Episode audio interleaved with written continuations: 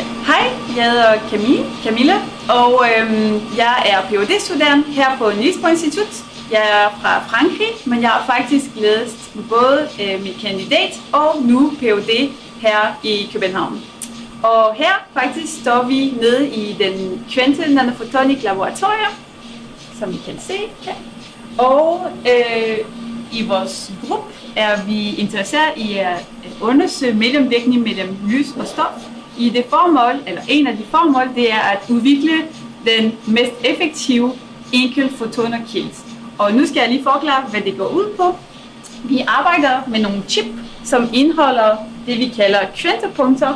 Og kvantepunkter er de særlige egenskaber, at hvis man kommer med en laser fra toppen her for eksempel, og exciterer den, så udsender de enkelt lyspartikler ad gang, det vi kalder fotoner. Og i vores gruppe vi bliver rigtig gode til at fremstille og udvikle nogle strukturer rundt omkring kvantepunkt, som gør, at alle fotoner, som bliver udsendt af kvantepunkter, kan blive fanget på strukturer, så vi ikke taber nogen af dem. Men nu, hvis vi vil gerne bruge, øh, og det vi kan bruge fotoner til, til, det er til at udvikle noget kvantesimulation eller kvantekommunikation. Og det er ikke den eneste øh, partikler, som kan bruges til det, men det er en af de rigtig gode kandidater. Men for at kunne øh, bruge dem til noget fornuftigt inden for kvanteinformation, så skal man kunne opskalere antal af fotoner, som bliver produceret eller genereret af de øh, kvantepunkter på et samme chip. Og det er faktisk det, mit projekt går ud på. Det er at opskalere øh, enkeltfotonkilder på den samme chip. Og det er faktisk øh, et rigtigt billede af den kredsløb, vi har udviklet og vi har målt på. Og det øh, går ud på, det er at bevise, at vi kan opskalere til to enkeltfotonkilder på det samme kredsløb.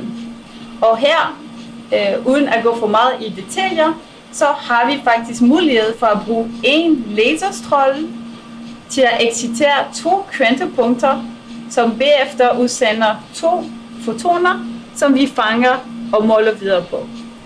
Og her skal vi øh, forstå, at der findes 100 kredsløb på det samme chip, som vi sætter nede i en kryostat, som køler vores prøve, eller vores chip tæt på absolut 0.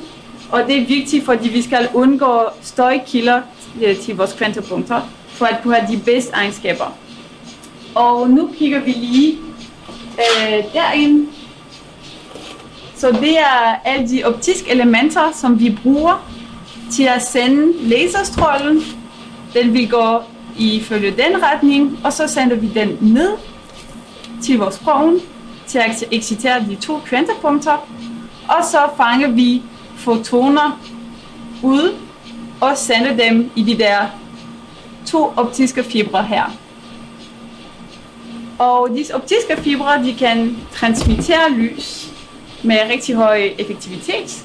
Og det gør, at vi kan frit sende vores fotoner videre til den næste opstilling. Og den næste opstilling går ud på at bevise, at de fotoner, som bliver udsendt af de to fotonkilder, er fuldstændig ens. Og det er faktisk en meget vigtig øh, forudsætning til at kunne bruge øh, opskalering af kvantepunkter til noget fornuftigt inden for kvanteinformation. Øh, og øh, så her kort forklaret har vi øh, de to fotoner, som møder på den, øh, det man kalder en øh, bitsplitter, og de går hver sin vej, så fotoner fra det ene kvantepunkter går i den retning, og fra den anden går i den anden retning.